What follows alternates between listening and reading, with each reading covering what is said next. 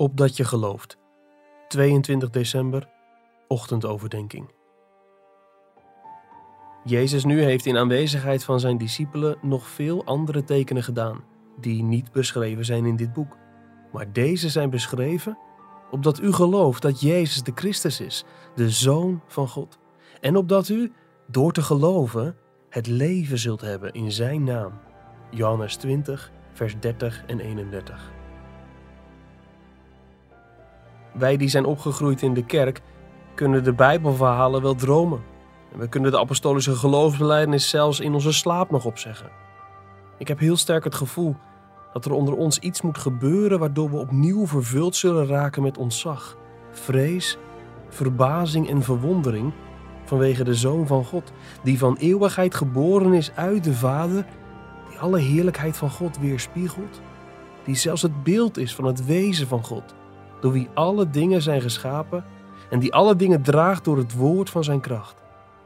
Al lees je alle sprookjes, alle thrillers, alle horrorverhalen die ooit zijn geschreven, nooit zul je iets tegenkomen wat zo schokkend, vreemd, bijzonder en fascinerend is als de geschiedenis van de menswording van de Zoon van God.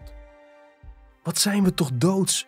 Wat zijn we koud en ongevoelig voor uw heerlijkheid en voor het verhaal dat u te vertellen hebt, o God.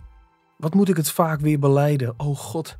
Het spijt me dat de verhalen van mensen meer emotie, ontzag, verwondering, bewondering en vreugde bij me oproepen dan uw eigen waargebeurde verhaal.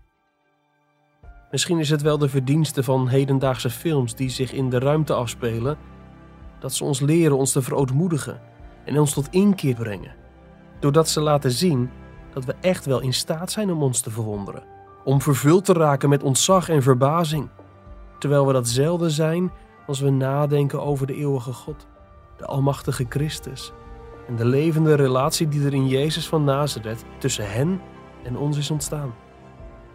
Toen Jezus zei: Hiervoor ben ik in de wereld gekomen, zei hij iets wat vreemder en bijzonderder is dan alles wat je ooit in science fiction boeken hebt gelezen.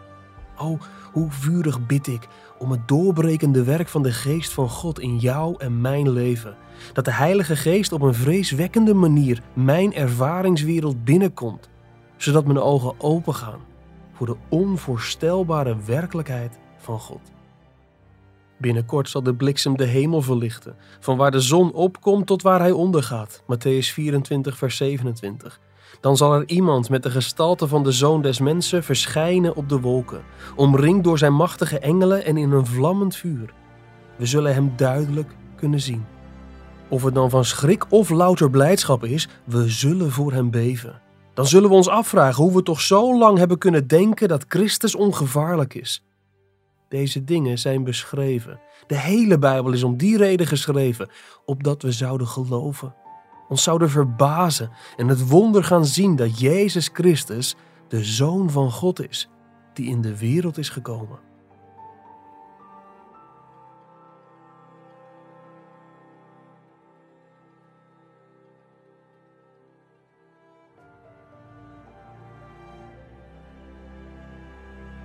Je luisterde naar een overdenking uit het boek Onwankelbare Vreugde van John Piper.